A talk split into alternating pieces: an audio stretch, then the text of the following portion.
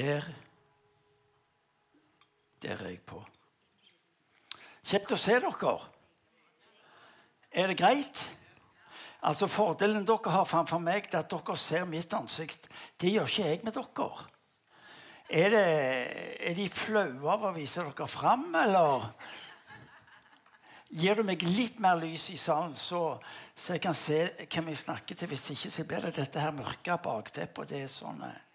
Du, Takk for velkomstord. Jeg glemte å spørre hvor lenge de taler i dette huset. Men dere er jo pinsevenner, så jeg regner med det er et par timer. Ja, det er bra. Paulus holdt på så lenge at når, når han holdt på, så ramla det ut vinduet, og så døde de. Men jeg lover, så lenge, så lenge skal jeg ikke holde på. Så lenge skal jeg ikke holde på. Eh, nå skal det sies at det er mulig jeg kunne hatt nokså mye på hjertet. Og det er godt mulig vår Herre òg ville ha ment noe om det. Men jeg har fått et tema av pastor Lunde. Og det er klart, han, han diskuterer du ikke med.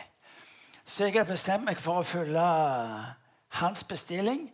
Og så får han eventuelt ha et oppgjør med vår Herre hvis det var feil. Ok? Men min fordel er at jeg reiser tilbake igjen etterpå, så kan dere ha det så godt. Du, det å få lov til å komme tilbake til en forsamling hvor du ikke primært møter Og det er verdifullt nok i seg sjøl å møte troens folk. Men det å møte venner, folk som du har kjent gjennom mange år, folk som du gjenkjenner, og som tenker. De står på, de, de gir ikke opp, de mister ikke motet. De, de, ønsker å være med på noe som har betydning.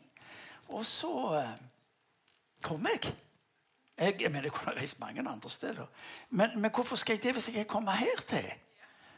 Ikke sant? Altså, det er jo et poeng i det. Nært det òg. Men poenget mitt er eh, det å få lov til å ha relasjon med mennesker og med menigheter er noe som jeg eh, setter utrolig pris på. Utrolig pris på. Eh, Temaet som jeg har fått, det er disippelgjøring og etterfølgelse. Litt sånn type kraftige ord og uttrykk. Eh, og Jeg skal gjøre noe i dag som jeg til dags dato aldri har gjort. Jeg starter i motsatt ende eh, av en tale.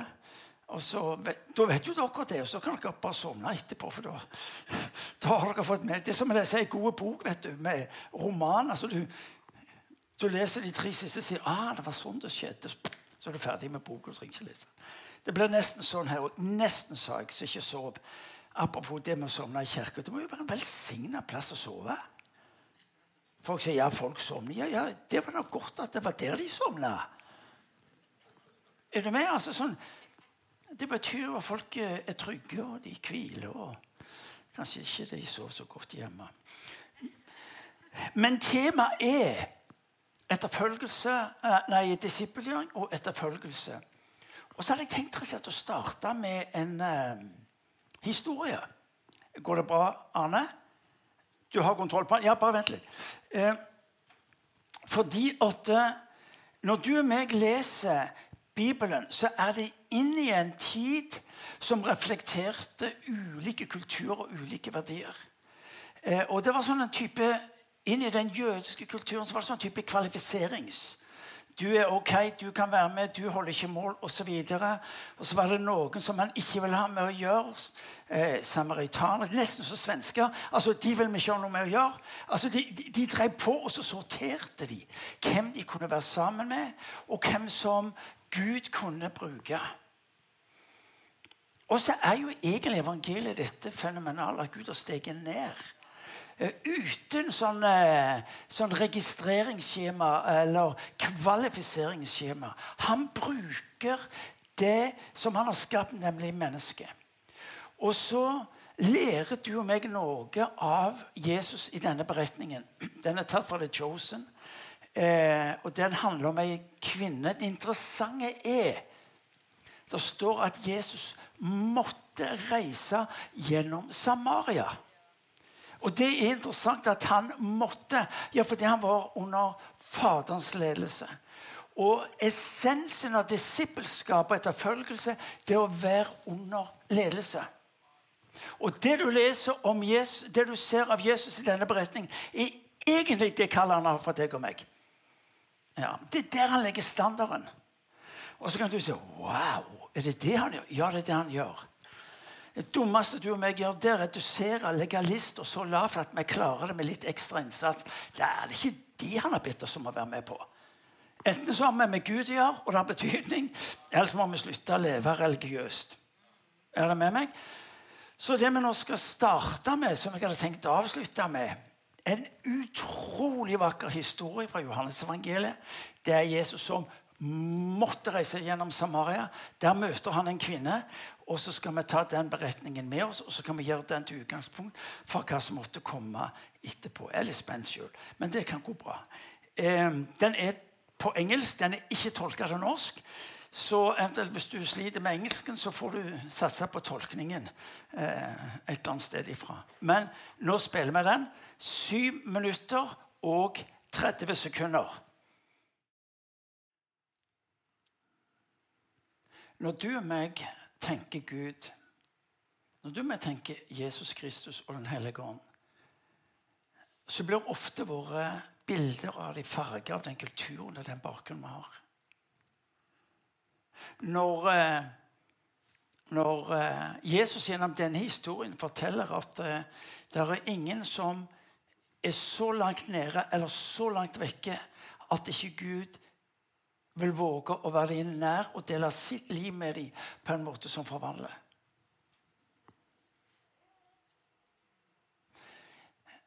Der, der samaritanerne og jødene hver på sin side opererte med kvalifiseringsskjema. Altså om Jesus bare skjærer igjennom. Og så sier han, 'Jeg ser deg'. Og så blir denne dama altså nøkkelen til en vekkelse i sin hjemby, hvor det står at hele landsbyen kommer ut og forteller at eh, nå tror vi ikke lenger bare for ditt, for dine ords skyld, men vi har møtt han sjøl. Når, når, du og meg møter ord i, eh, i eh, Bibelen om disippelskap, så er ikke det primært å lære å vaske hendene, spise sunn mat, trimme godt nok og sørge for at livet mer eller mindre er på stell. Det er ikke det det er snakk om. Det er ikke engang snakk om å skulle lære Bibelen utenat eller be de beste og de rette bønnene. For når Bibelen er opptatt med disippelgjøring, så er det opptatt, så er fokus at du og jeg skal bli lik Han. Som en dag dør på korset for oss og åpner himmelen og sier det livet jeg har, det er det livet jeg har for dere. Så når du og meg ser denne beretningen, så kan du si wow, det der var bra greier. Jesus, du er kul. Så det er det som han sier, hør nå, du har misforstått. Poenget er ikke hva du ser meg gjøre, men det som jeg vil at du skal være. Nemlig den røsta den røsta. Du og meg har i vår forståelse av disippelskap lagt lista på et nivå hvor vi fikser det med litt ekstra innsats. Mens det disippelskapet som Bibelen taler om, det er lista lagt på et plagg hvor du ikke har en sjanse til å kunne være en del av. Om du ikke tok inn av det som Faderen rekker deg for å fullføre det slik behandlet. Ja, men folkens, Da snakker vi om et helt annet liv. Da snakker vi ikke lenger om noe religiøst som jeg eh, driver på med. sånt. Da blir jeg en del av en måte å tenke på, en måte å leve på. Som reflekterer himmelen. Hvor vi kan si, som denne dama sier, 'Kom og treff Han som har fortalt meg alt'. Det er en utrolig vakker eh, beretning. Dere kan se den på, eh, på eh, The Chosen, denne serien, den er vel verdt å se. Eh, hvor dette er en av episodene. Og så blir det for meg en påminnelse om at denne verden har ikke sagt nei til Jesus. Den er bare litt undrende på hvordan den skal få øye på ham. Enten gjennom eller ved at de sjøl erfarer dette. Så når du og meg nå i dag skal stoppe litt for eh, dette med etterfølgelse og disippelskap, så må du og meg få tak i hva er egentlig kristendom? Kristendom er ikke de såkalt rette ord, de rette meningene og den såkalte rette livsstilen. Kristendom kokes ned til to ord 'følg meg'. Før du og jeg snakker om disippelskap, så er vi nødt til å snakke om etterfølgelse. Vi kan ikke snakke om å disippelgjøre eller oppdra noe som ikke er født. etterfølgelsen sier noe om et liv som har tatt bolig, og som skal leves ut i det på en måte som gjør at de utenfor skjønner at Gud lever, at han er god. Følg meg. Når Jesus trer inn i denne verden, så er det som han har ett grunnleggende ønske. Det er du må forstå Alt kokes ned til dette. Følg meg. Allmaktens Gud stiger ned. En Gud som bøyer seg ned til deg, enten du er kommet til en brønn i sin tid gravd av Jakob, eller du sitter på en kafé eller på bussen, eller hvor det måtte være henne. Han har steget ned for å berøre mennesker som du møter på din vei. Når du og meg sier 'Gud, du må gjøre noe', sier han 'ja, jeg er klar, men er du'? Når Gud handler inn i denne verden, så, så er det fordi at noen har våget å ta ett skritt fram og si 'jeg er med'. Etterfølgelsen tar ikke utgangspunkt i prektighet. Den tar utgangspunkt i akkurat det det gjelder, nemlig relasjoner. Han taler til deg og til meg. Altså, Våg den tanken. Allmaktens Gud taler til meg. Hva er det ved deg som kvalifiserer for det? Ingenting. Punktum. Utropstegn. Hele regla. Det er ingenting ved deg som kvalifiserer, men han, han taler til deg fordi han elsker deg. Tenk på dette ubegripelige at allmaktens Gud talte deg og meg fordi han elsker. Du har hatt en god dag. Fikk kanskje til bibellesing og, og bønnelivet. Det er kanskje på stell for tida. Eller at du kanskje sliter som bare juling er litt usikker helt på om du er en kristen. Det var vel det han brydde seg om. Når mine barn, Vi har to jenter hjemme. Og, og, og uh, hun ene av disse, Hanne Therese uh, Av alle ting så har blitt prest og litt, litt attåt. Leder nå i mine sammen med mannen. En dag hun er åtte-ni år så kom hun eh, utenpå kjøkkenet til sin mor, hvilket er min kone. Og så sier hun til Irene, 'Mamma, blir du fryktelig lei deg hvis jeg forteller hvem jeg er mest glad i av deg og pappa?' Blir du fryktelig lei deg hvis jeg forteller hvem jeg er mest glad i av deg og pappa? Jeg tenkte det er fascinerende hvor tidlig sannheten på et vis renner opp i unge barns sinn. Men nå skal du høre, Det er sånn mange av oss tenker. Det er noen Gud er spesielt glad i. Det er noe han prioriterer som han har et folk. De Og så er historien som med kvinner ved brønnen. Som er diskvalifisert på alle tenkelige plan. er den Gud eh, Jesus bruker til å forvandle denne landsbyen. Hør nå. Han stiger ned. Han bøyer seg ned. Tenk deg, Hvem er det du tror på en Gud som bøyer seg ned? En Gud som bøyer seg ned. Planer for meg. Han skapte meg, han opprettet det. Og så ber han deg og meg om å følge med han.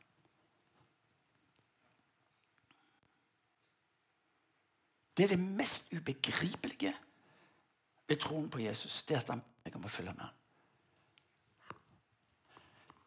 Hvorfor gjør han? Fordi han elsker. Dilemmaet for deg og meg er at vi har endt opp i denne såkalte selvfølgelighetens forbannelse. Er du med? Selvfølgelig elsker han. Selvfølgelig, og så videre. Og så blir det plutselig Ja, det er det det blir. Selvsagt. Følg meg. Det er derfor det gjør det så fascinerende å møte dere. For dere er her fordi dere ønsker å lære mer om dette. Hvis ikke hadde dere ikke vært der. Det er dere sikkert gått en tur for andre gang i dag. eller tre. Jeg har noen som går tur. De må gå min tur minst to ganger. Det er jo ikke sunt. Men dere er her fordi dere ønsker å få livene forandra. Hans første ord til deg og meg er 'følg meg'. Ikke med tanke på produksjon. Ja, nå skal du bli eh, evangelisten eller den geniale sjelesørgeren og veilederen eller barnepasseren. Hva det måtte være for noe. Hans første fokus med deg og meg er ikke med tanke på produksjon, men relasjon. Relasjon. Du, du, du opplever ikke at hans kall til deg eh, når han dør på korset, at du skal bli en arbeider i Guds rike. Han er dør på korset for å hente hjem sine sønner og døtre. Det, det, er sånn, det, er sånn, det er jo helt ubegripelig. Det er det som har lyst Ikke la det andre ta fokuset. Menighet og strategier og visjoner og, og alt dette her. Følg meg. Essensen som min Jesus Jesus følger, følg meg. Ha fokus på meg. Ber deg om én ting. Følg meg. Ja, men alt, ja, la nå det være, da. Ja, men jeg sliter med livet. Ja, ja, det er greit. Jeg vet jo Ja, det var så mye. Ja, det vet vel jeg òg. Men kan du ikke la det ligge? Vi synger jo den gamle sangen fra BD. Så Du visste alt om meg før du meg kalte. Du trenger ikke fortelle han. Hvis han minner deg om noe du trenger Det er noe annet. Men det er nesten som å gå rundt og tro at vi overrasker Gud. Følg meg betyr følg meg. La meg få være hos deg. Det er det han sier. Det er det han sier. Om jeg forstår det Jeg er ikke i nærheten av å forstå det, men jeg tror det. Og det er ok, det. Det er ok. La meg få være hos deg med alt jeg er i og. Følg meg. Vet du hva? Det er det, det, er det eneste han forventer av deg. Følg meg. Der du holder på med dine ja, men Kan vi ta livet av disse ja, men? Amen. Det er en form for humor, men dere tok han ikke. Men ta han med hjem og så grunn på han. Hva vil det si å være en kristen? Etterfølger. Etterfølger av Jesus. Ja, Er det så enkelt? Ja, klart det er så enkelt, og så grådig vanskelig. Men hvis du og meg får lov til å starte der, så er det en hel masse faktorer som løsner seg. Altså, Faktorenes orden er ikke likegyldig. Det er altfor mange som vågte et møte med Jesus, og så fikk de høre om alt som måtte bli forandra i livet deres. Ja, Da har de blanda faktorene. Men hvis jeg får lov til å møte han som den som sier 'Jeg er hos deg', jeg vil du skal være med meg. Og der jeg har, Husker dere denne her eh, bortkomne sønnen i Lukas evangeliet kapittel 15? Kom hjem. Han hadde forberedt omvendelsesbekjennelsen, han. Jeg, jeg, har, jeg har svikta, og jeg, jeg har synda mot, mot, Gud. Og så sier jeg ja, men hør nå, glem nå det der. Gi han sko. Han finger, ring på fingeren. Og så tar han utgangspunkt i hvem han selv vil være overfor den som opplever kaos og nederlag i sitt liv.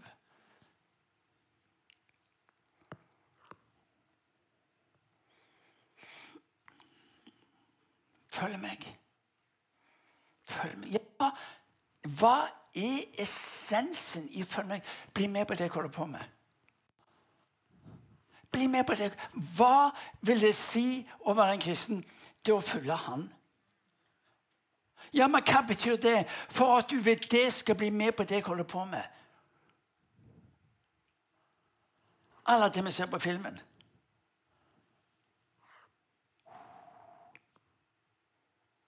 alle det vi ser på filmen. Følg meg, og du forstår hvem jeg er. Til det kreves det relasjon. Du knyttes til han. Du lever ut ifra han, ikke for han. Hvis ditt primære fokus som en Jesus at nå skal jeg leve for Gud, ja, det er litt av et hekkan. For du er aldri god nok, du holder aldri mål, og du vil gå på trynet så mange ganger til slutt så mister du mot og sier du opp. Men hvis kall å leve med han i gode og onde dager og alt det der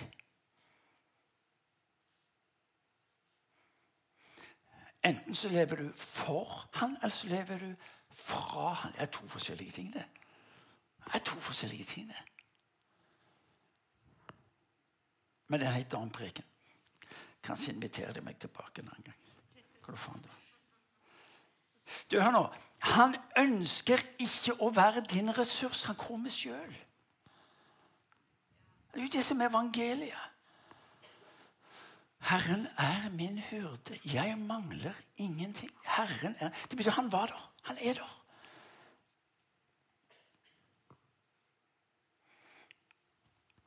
Hør nå. Første brev til Korintian, kapittel 1, vers 9, så står det Gud er trofast. Han som kalte dere til fellesskap, samfunn med sin sønn Jesus Kristus, vår Herre. Hauge, Jesus, din søte forening. Fellesskapet er Hans Nielsen Haugeborg. Jesus, din søte forening. Det, det er Hans Nielsen Hauge snakker Jesus, din, ditt søte fellesskap, eller ditt gode fellesskap. Trygge, sunne, håpefulle fellesskap. Er det ikke lengst etter? Ja, men det er det han rekker deg. Det er det han rekker deg.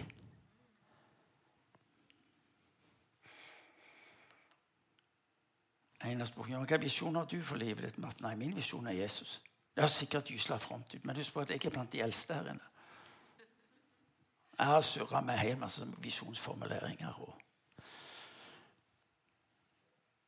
jeg kan ikke bytte ut altså, Jesus med en visjon. Tenker jeg noe så på sida? Når, når, Abraham Du leser om ham i Gamle testamentet en dag i Ur i Kaldea får besøk av fra Han vet ikke hvem det var hvor han kommer fra, men i dag får han beskjed om du skal pakke kofferten. Ja, hva da for? Jo, for du skal ut på reise. Ja, hvor da hen? Ja, Det trenger du ikke vite. Bare følg meg. Ja, men hvor lenge blir jeg vekke? Ja, Det trenger du heller ikke. Bare, Det vil du oppdage når du har vært der lenge nok. Ja, men hva skal jeg si til familien? Bare fortell dem at du skal ut på reise. Og når de spør hvor lenge du blir vekk, skal du si jeg vet ikke. Når, når, Abraham står opp hver enda morgen, hva var det han måtte gjøre? Han måtte finne hvor, hvor Javé. Han var nødt til å ha ryggtavla til Javé. Slik han begynte å surre på egen hånd. Og Det gjorde han jo av og til og til tider. Men det er jo greit med å være herre, for han dropper oss jo ikke fordi om du og meg mister retningen av og til. Han samler oss opp igjen.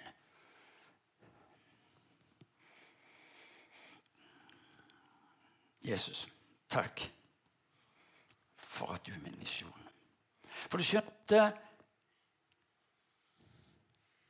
Da er det jo ikke primært snakk om hva jeg skal gjøre, men hvem jeg skal få lov til å være.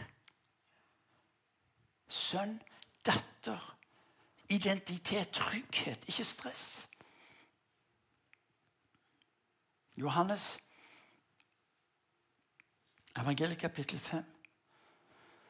Jesus sier jeg gjør ingenting uten, at, uten at jeg ser min far gjøre det.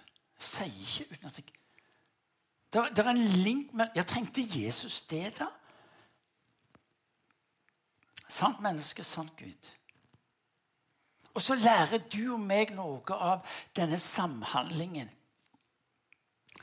Det er nesten som du, du hører at, eh, at Jesus har ett fokus. Det er å være med på det som Gud gjør. Jeg, sier Jesus, gjør ingenting annet enn det jeg ser far gjør. Jeg vil være med på det far gjør.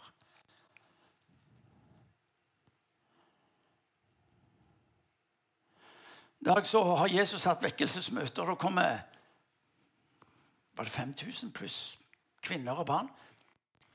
Grådig mye folk. Og Jesus han eh, sier du kommer gi dem å spise. Først er det disiplene. En av tekstene sier du må sende dem vekk. Blodsukkeret er lavt. Og såpass mye vet jeg om når blodsukkeret er lavt hos noen, så blir det ikke tempo, men det blir temperatur.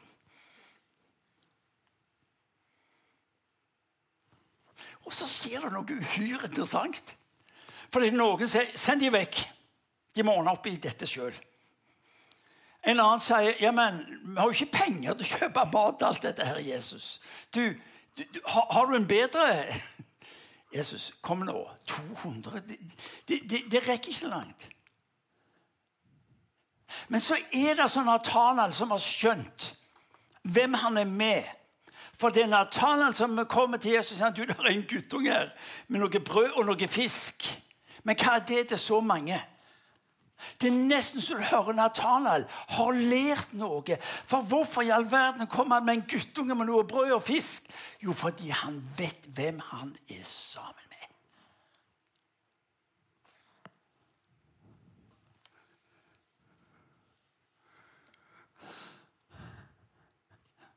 Tar det. Ser, jeg kikker opp mot himmelen. Takke Gud. Velsigne det. Og så er det ikke slik mange tror at når Jesus hadde bedt og velsigna maten, så var det slik Der ble disse fiskene noen hvaler. Er du med? Og disse brødskjevene ble det sånn på størrelse med Ikea. Er du med?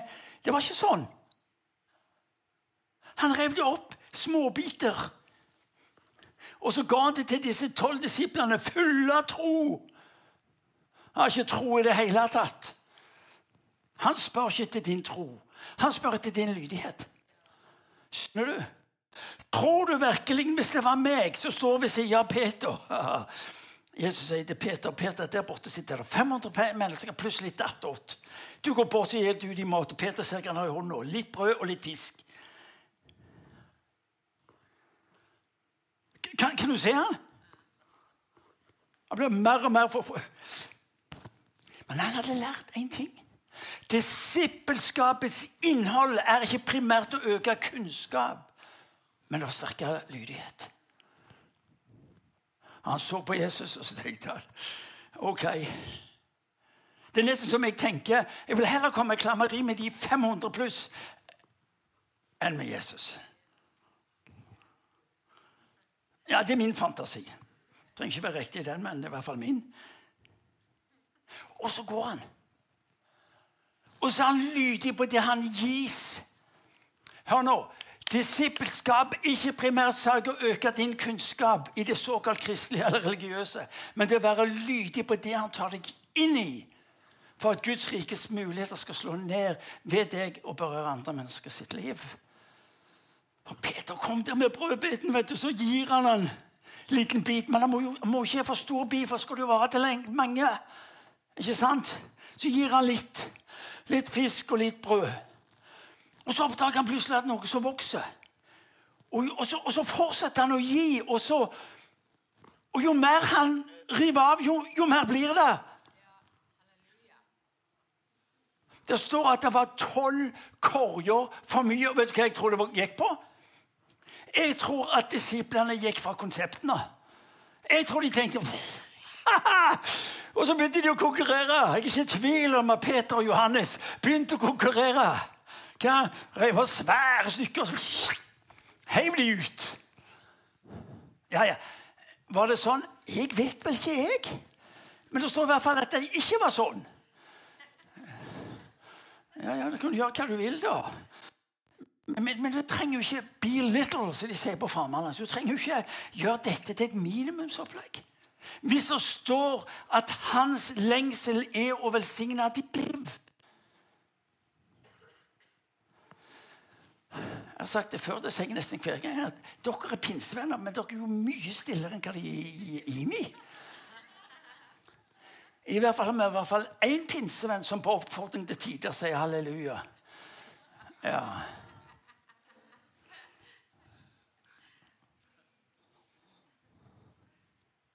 Du ser der, der, der, du og meg strever med utfordringene i, i livet vårt, der sier han 'kom til meg'. Altså, Disippelskapets fokus må være han. Dere har hørt historien før, men den er såpass bra. Denne, det er absolutt god grunn til å høre på den igjen. Da jeg starta som pastor i IMI for nesten, I hvert fall var det i forrige århundre.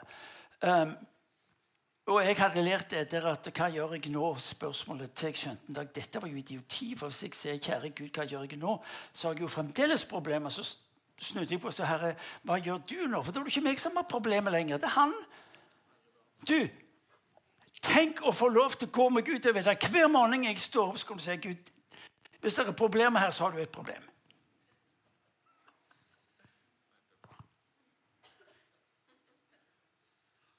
Vi skulle bygge den nye kirken i Tønsvollkrysset.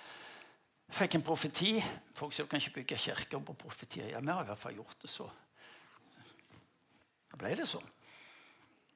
Men i prosessen vi skulle bygge, så fikk vi problemer med Miljøverndepartementet. Vi fikk beskjed om at hvis vi skulle begynne å grave der vi var, så ville det renne væske fra den båsplassen som vi bygde på, ut i Mosvatnet, og det ville forurense. Svaret var nei. Han leder. Vi, hadde en byggekomité på to stykker den første tida. Supereffektivt. Ja. Jeg skal ikke komme inn på det. Han ringte meg, og han var stressa. 'Martin, hva skal vi gjøre?' Miljøverndepartementet, bla, bla, bla. Det kan bli uker og måneder og år.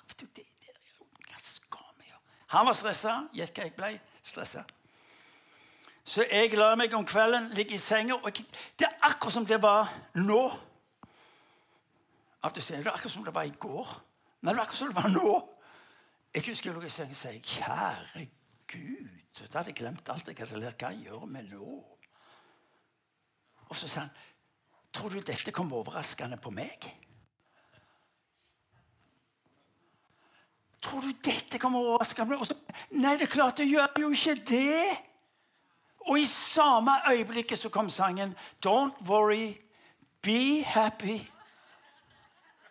Jeg tror vi må synge den mye mer i våre kirker og bedehus.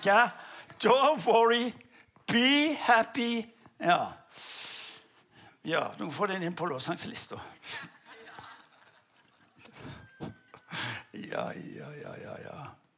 Du, du sa dette. Han vil alltid peke på oss. Hva er det viktigste i etterfølgelsen og i disiplene? Det er nettopp å se han vil alltid peke på seg sjøl som løsningen. Hva gjør du nå? Tror du virkelig at Martin Kev hadde holdt ut i 43 år i den der Imi-kirka? Hvis det skulle vært basert på alt det han kunne finne på og tenke ut osv. Det hadde blitt flatt, altså. Jeg som er introvert og beskjeden, som stortrives når jeg har permisjon, jeg i kloster i heltaus retreat. Siste jeg hadde, var 30 dager i katolsk kloster i Wales. Ja, Det har ikke blitt mye smell på de greiene der, altså. Det kan jeg si dere. Ja. Han vil alltid peke på seg sjøl. Skjønner du? Han vil alltid peke på seg sjøl. Når de disiplene sto der og surra ikke visste hva de skulle gjøre, for å si, ja, kom til meg med det. Kom til meg med det. Ja. ja, ja, ja. Jeg vil bygge min kirke. Du, hvor lenge eh, Hvis jeg får det til, skal jeg begynne å slutte. Men jeg, jeg lover aldri det lenger. Jeg er blitt altfor gammel.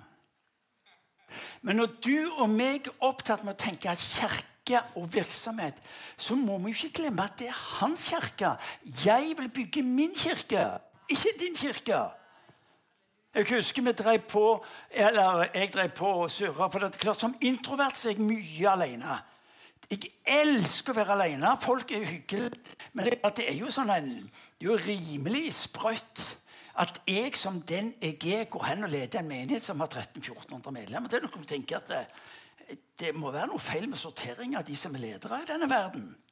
Ja, Men når jeg ser på den gjengen Jesus valgte, så tenker jeg det var ikke stort bedre det, da. Hvor mange av dere har sett The Chosen? Ja, dere må se og få sett den.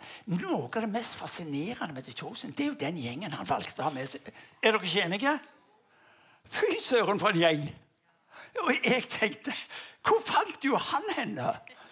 Og Noen av dem var jo så på sida at de, du får navnene deres, men ellers er de anonyme. Du ser ikke hva de holdt på med. Ja, det var en parentes. Men jeg vil bygge min kirke. Jeg vil at du skal være med på det jeg holder på med. Det er da ikke interessant at folk i Gandal gidder være med på det Mr. Lunde og kona finner på. Men hvis de fornemmer at dette har med Gud å gjøre Ja, ja Min grunnleggende tese er fraværet av det overnaturlige gjør at folk ikke lenger vil følge denne Jesus Kristus. Grunnleggende det. Det fortelles om ryktet av Jesus Kristus som gikk ut over hele Judea og Samaria. De kom i flokker for å se. Og når eh, Nikodemus i Johannes evangeliet 2 møter opp hos Jesus om kvelden, rett haren, det var kylling, det. møter opp hos Jesus om kvelden, så sier han vi skjønner at du er en lærer sendt av Gud. For ingen kan gjøre de gjerninger du gjør. Dere må slutte å imponeres av titler. Doktor til Ol. Spør heller hvor mange de helbreda i siste uke. Og Har de helbreda et visst antall, så kan du begynne å høre på dem. Før det ikke bry deg. Ja, ifølge Nikodemus. Vi skjønner at du er en lærer sendt av Gud, for ingen kan gjøre de gjerninger du har.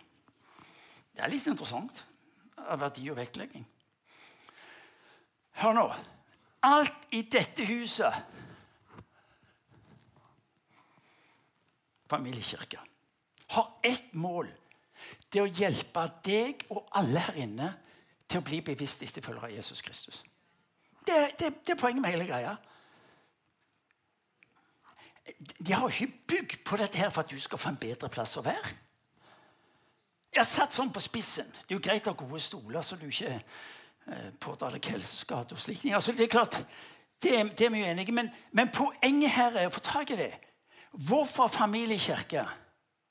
Fordi at du skal få det du trenger for nettopp å leve som en bevisst etterfølger av Jesus Kristus. Følg meg, hele greia. Hvorfor er dette med etterfølgelse og disippelskap så viktig? Fordi du skal få et rett bilde av Jesus. Rett bilde av Jesus. Hvorfor er han så, noen ser, så gysla selvopptatt med at alle skal få et godt kjennskap til han? Jo, fordi at ditt kjennskap til han vil definere din måte å føre deg på i denne verden. Det er egentlig godt sagt.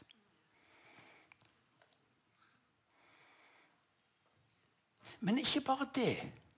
Fordi at når du er sammen med han i etterfølgelse, så blir du lik han. Jeg sier veldig ofte om, om eldre par som har vært gift lenge. De blir veldig like hverandre. Derfor når de treffer Irene kona så sier de vi ser hvem du er gift med. No. Dere er dårlige på humoren, men det Du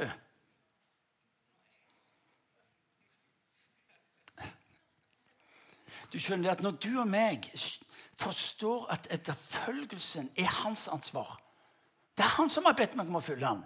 Det er jo ikke slik at du en dag bestemte deg for at ja, nå vil jeg tro på Gud. Det er ikke sånn det begynner. Altså, Du opererer jo ikke i et vakuum. Ja, jeg valgte Du har da ikke valgt sjøl, du. Noe kom til deg, noen kom til deg. Noen ga deg ord, noen hjalp deg til en erfaring som gjorde Det må jo være noe mer her. Er det noen Gud, eller? Når han sier 'Herren er min hyrde', så, så uttrykker det at han har valgt deg. Og du overrasker han ikke. Nei. Takk Gud. Vet du hva som er det sterkeste vitnesbyrdet for meg når jeg tenker på Jesus? Det er at han ikke har vendt meg ryggen. Står det i Romerbrev kapittel 8 vers 29. Ingenting kan skille deg fra min kjærlighet. Det er lett å stå her og prate og, og alt det der. Men mitt liv er et liv hvor nettopp det der å få vite at han er der han trekker. Jesus vet ikke hvordan han skal trekke seg vekk ifra deg. Det er nesten hvor du tenker Er det mulig? Det er den guden som du og meg tror på. Der du sier at det er bare nederlag, eller hva det måtte være. Så er det sånn så Hør nå, jeg kjenner deg, jeg vet hvem du er, men det endrer ikke at jeg elsker deg. Altså, Disippelskapets essens er å ta oss inn i det der og lære han å kjenne. Det er dette som Paulus er opptatt med gjennom sin brevlitteratur.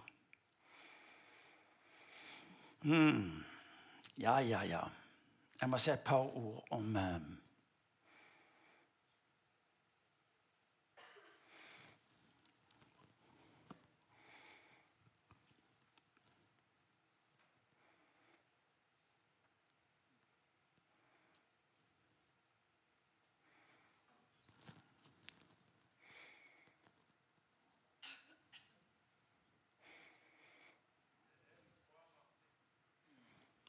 Er det greit?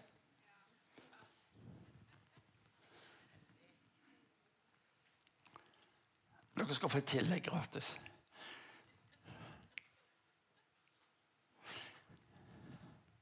Når, når, du tenker på at allmaktens Gud har steget ned og bedt deg om å gå med han, så aner det meg at de fleste mennesker på den kloden har sagt 'Jeg er med'. Jeg er med. Hvis du som vet hvem jeg er, allikevel ber meg om å gå med deg uten forbehold, så er jeg med. Så ligger det noe sånn ja, Er det en eller annen sånn en der som du ikke vet om? Ja, det er én ting, og det er at når han ber folk om å følge ham, så vil han ha kontrollen. Han vil ha kontrollen. Det er jo ikke slik at du er med så lenge det er koselig. Når det ikke er koselig lenger Altså, Den som vil følge meg, han må gi opp seg sjøl. Ta opp korset og følge han. Han. Han er opptatt med å være ikke bare frelser, men herre. Å bli en Jesus-etterfølger er å være med på hans løsninger.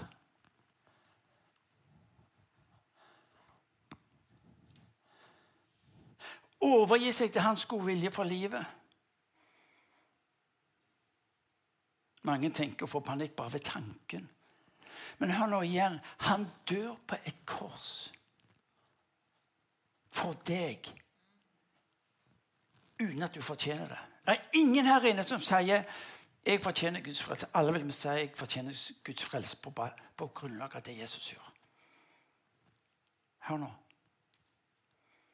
Han elsker deg betingelsesløst, og hans mål er å velsigne deg betingelsesløst.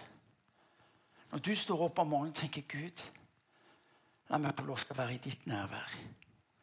Og så husker du hva det han siste han gjorde med disiplene sine. står Mens han velsignet dem, står det, ble han tatt opp til himmelen.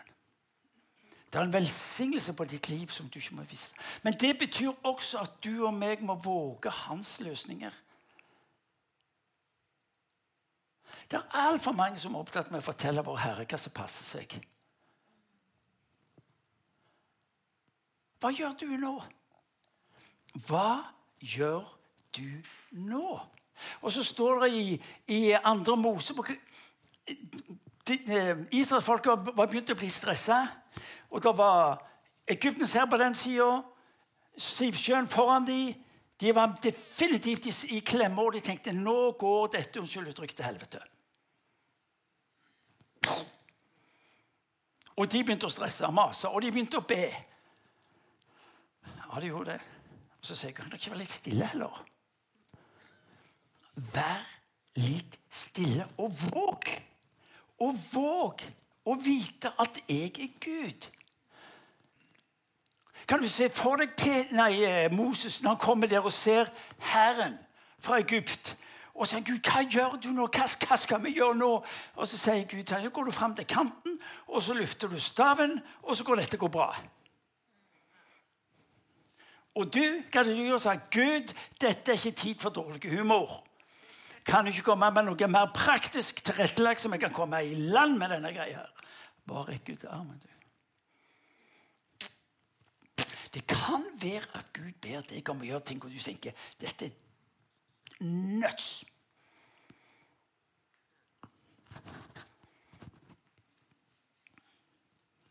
Dere må få med den òg, for denne syns jeg er litt sånn Litt sånn dypesnadder. Markus evangel kapittel 44. Jesus er i stormen med, med, med, med disiplene. Jesus ligger og sover. Disiplene med noen av de erfarne folk fra fiskelivet. Og bølgene går høye, og de blir redde. Og så vekker de Jesus. Og hva gjør Jesus da? Å, så fint at dere kom til meg. Og dere hadde problemer, og jeg vil så gjerne få lov til å løse dette problemet for dere. Istedenfor ser han pissed off. Skjeller de ut. Hva i all verden dere holder på med? Hvorfor vekker dere meg? Ser dere ikke at jeg sover? Og så sier han bare ti, og sjøen blir stille. Hvorfor all verden, hvorfor ble han sint på dem? Jo, fordi at han forventa at disiplene skulle ha dempa den der stormen. Altså, Disippellivets funksjon er ikke primært seg å forøke kunnskapen vår og bli mer renslige. Få tak i hva du må holde deg vekk ifra. Men det å gjøre de gjerninger som Jesus gjør Han sa jo det dere skal være større gjerninger enn deg. Kom an. Hva mener du med det? Er dere med meg ennå? Ja, det er bra. Altså, Hvorfor har dere så liten tro, er det Jesus sier til denne gjengen som sitter i poden? Ja, men vi gjorde jo bare det enhver normal kristen vil gjøre. Vi ber til deg for at du skal Han har ikke bedt deg om å be til han om alle ting. Han har bedt deg om å be til han på det som du skjønner at hvis ikke han dukker opp, så er dette håpløst. Ja, men tenk hvis det ikke virker. Ja, det er ikke så farlig, det. Om du tryner en gang eller 15. Det gjør ingenting, det. Det er det du vokser på. Ja, det er godt. Ja, men hør, Jeg vet jo hva jeg snakker om. Kan du tenke deg noe så idiotisk å være pastor i samme enhet i nesten 40, mer enn 40 år? Du er jo dømt til å ha en sånn rekord av nederlag og feiltrinn og alt det der. Det var en, en bedriftseier og en større bedrift som hadde besøk av en annen bedriftseier. og så Idet de går gjennom fabrikken, så peker han på meg. Han der han er han var årsak til at denne, denne bedriften tapte 40 millioner kroner. Og så er han ansatt her ennå. Ja, det er klart det er sånn. Han er den i bedriften som har dyrest utdannelse. Dine nederlag, dine feiltrinn og you name it, en del av din utdannelse. Ikke reduser det til bare sånne type sorgens greier. Disippelskap, det som kjennetegner Jesus. Blir han lik, mer enn rette ord, mer enn livsstil, mer enn holdninger. Hva kjennetegner Jesu liv? Tre ting har jeg sagt før her. Dere skal få det igjen, for dere har glemt det ut. Det ene var ordet. Det var det skrevne ord. Og Jesus verdsatte det var fundamentet. Men han ga også rom for det profetiske ord. Nei, det er riktig det du sier. Du har hatt fem menn, og den du nå lever sammen med, er ikke din mann. Profetordet inn, tror jeg, er det kraftigste eh, verktøy til å overbevise dette landet vårt om Gud er god. Jeg møter stadig vekk, og igjen og igjen og igjen så møter jeg mennesker som plutselig blir stoppet. Hvor en sier, 'Hvor har du dette ifra?' Hvem er det som har fortalt om livet? Ingen har fortalt om livet. Men Gud ser hvem du er. Han har ett mål med ditt liv, og det er å elske deg. Det var en som sa til Sigmar at jeg tør ikke snakke med deg, for jeg er redd for at du sitter så Og jeg tror ikke være bekymra for deg. Jeg ser ikke gjennom noen folk, jeg. Men jeg tror Gud har et ønske om å tale til deg, så du gjenkjenner at det er han. Han har fortalt meg ingenting, sa dama. He must be the Christ. Når vitnesbyrdet rundt omkring i byen og landet og hvor det måtte være henne, det at det er noe med de der folka, for de har fortalt meg alt det må være Det må være denne Jesus. ordet. Det overnaturlige helbredelsen.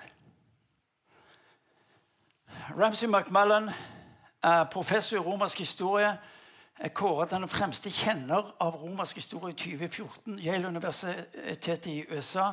Han sier og jeg er usikker på om han er en kristen, han sier det som vippa den romerske religion, det var kirkas helbredelsestjeneste og utdrivelse av vonde ånder. Folkens, jeg tror vi trenger mye av det i dag òg. I vårt land. Og de menneskene vi skal få lov til å møte. Siste er godheten. Disse tre tingene på en spesiell måte eh, var det som kjennetegna Jesu liv. De trente på det i tre år. Han underviste om det i tre år. De levde det ut i tre år. Og sånn skal du og meg få lov til å hjelpe hverandre av og til vært med snille og oppmuntrende til hverandre. Eller som min yngste datter Jeg tenkte den frekkheten den må være fra mora si. Men en dag så kom hun til meg og sa pappa, du lever ikke troverdig. Jeg er 18 år. Ja, hva mener du nå? Nei, Du lever ikke troverdig. Ja, hva mener du? Ja, Har du vært ute på gata og bedt for de som er syke? Nei, nei, nei, der ser du. Hva har du tenkt å gjøre med det? Jeg gikk til staben min dagen etterpå så har fått kjeft av dattera mi. Hun sier at jeg lever ikke troverdig. Vi må ut på gata og be, folkens. Vi var på gata i nesten fem år i den perioden. Og vi så altså så mange mennesker bli helbredet, som opplevde Gud talt inn i livet deres, hvor det profetiske ordet fikk slå inn på en måte som var helt spesiell. Hør nå. Vi trener på hjemmebanen. Her undervises der. Her skal vi få lov til å hjelpe og oppmuntre hverandre.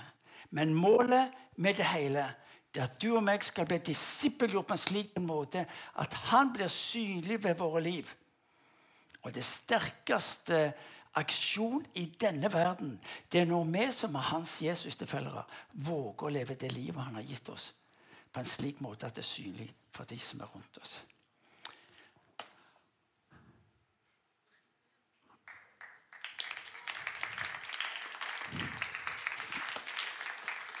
Ja vel. Hva gjør vi nå, da? Det var interessant. Krever han ut til med lutheraner, men han har antydning til visse sånn pinsekarismatiske Ikke for mye. Men du, hør nå. Dere kan høre på det som ble sagt. Og si, ja, det var, ja, det var jo for så vidt greit. og alt det der. Men det dummeste som skjer, det hvis du går her for eksempel, Det var litt interessant. Jeg hadde passet meg mye mer hvis noen dere var skikkelig provosert over det jeg sa. Men hør nå. Mitt spørsmål hvor, hvor er du i dette? Hvor er du i dette? Vi klager på, på politikere og styresmakter og hele greia, men greia er jo det at denne verden ligger i doene, sier Bibelen. Les Efeserbrevet. Men det andre er Det andre er jo Når du og meg er kalt til å være salt og lys i denne verden, blir det vi kritiserer, egentlig et speilbilde av der vi sjøl svikta? Vi må slutte å kritisere politikerne. Vi må slutte å kritisere de som har våget og valgt å være Ja, ja, det er mye som er gale. Ja, Men kanskje det skal få lov til å kalle det deg og meg om å stå opp og si Gud, la meg få lov til å være deg. Hør nå. Slutt å be imot disse stakkars folka som har sagt ja til å styre i dette landet. De kan jo ikke bedre. Ja, forstår dere? Altså? ja, men de, de kristne alt ja, ja, men Hvis de har valgt den ideologien, så har de gjort det. Men det er da ikke din og min bønn imot de som får det til å stoppe. Det er jo nettopp at du våger å være det lyset og det salt i denne verden. Virkeliggjort ved nettopp etterfølgelsen og det disippellivet som de får del av i dette huset. For 40 år siden hadde de noe som kaltes for WWWJ. What would Jesus do? Det var feil. WWJD. Kan ikke huske alt. WWJD. What would Jesus do? Kanskje du en periode framover skal få lov til å stå opp om morgenen du si, 'Herre, hva gjør du i dag?' Og la meg bli en del av det. Bussen, skolen, butikken Hvor du måtte være henne. Hadde en god venn av meg. Han er hjemme hos Gud nå. Professor i teologi. Vi snakket om dette for noen år tilbake. Og så sa han jeg jeg sykler hver dag. Han var sykemeldt, han hadde fått en skade, så han var sykemeldt. Han sykler. Jeg sykler. Han snakket pent. Kom fra Østlandet. Han trodde ikke at vi forsto østlendinger, så han snakket pent. Jeg sykler tur hver dag, sa han. Og så stopper jeg på S-sonen på Kvernevik. Hver dag. Og jeg tenker som så at jeg skal be til Jesus om at han skal gi meg noen ord til de jeg treffer på denne bensinstasjonen. Han fikk fokus. Ove fikk fokus på hvordan han ønska å bruke livet sitt. Og han fortalte nesten hver eneste dag fikk han sjanse til å tale inn i folk sine liv. Fordi at han ga det et fokus. Kan vi be folk om å reise seg? Da gjør vi det. Da har hun gitt meg tillatelse til å reise dere. Jeg skal ikke gjøre noe galt, det lover jeg på forhånd. Men Jeg vet hva dette betyr i mitt liv. Altså En avgjørelse her i noen ting i ditt liv. Noen. Men det kan være en bevegelse eller en fortsettelse på noe du allerede lever i. Om du tenker vet du jeg er helt på sida, ok, da er det på tide å si Herre Jesus, la meg få være med på det du gjør. Kanskje lever du aktivt dynamisk i det, så kan du si Herre, hjelp meg til et nytt nivå på dette. her. Dødes og vekkelse og litt sånn forskjellige. Ja, det var bare tips. Men kanskje er du herre som ikke er en kristen. Som ikke får tak i dette. Han sier 'følg meg'. Og det du kan si 'Jesus, jeg skjønner ikke noe av det, men jeg er med'. Da jeg ble en kristen som 17-åring, så hadde jeg ikke peiling. Kom fra en ikke-kristen bakgrunn. Ingen i familien min var kristne. Møtte kristne og tenkte det var noen snåle mennesker. De var rare. Men så gikk det opp om Jesus kunne ikke lyve. Ja, da var jeg med, jeg. Dette med synd og fortapelse det hadde jeg ikke greid. Det skjønte jeg ingenting av. Men Jesus kunne ikke lyve. Jeg er med. Så hvis du er her inne som ja, Er jeg kristen? Jeg vet ikke. Ja, Da inviteres du i kveld til Fulland. Og du gjør det sånn så Jesus, jeg er med. Hjelp meg til å se hva det blir til. Ja. Så skal jeg be en bønn, og så Vær så god etterpå. Herre, vi takker deg at du ved din hellige er mellom oss. Takk for dette ubegripelige faktum at du ber oss om å følge deg. Du vet hvem vi er, men ingenting ved det livet eller den historien hindrer deg i å omfavne oss alle sammen.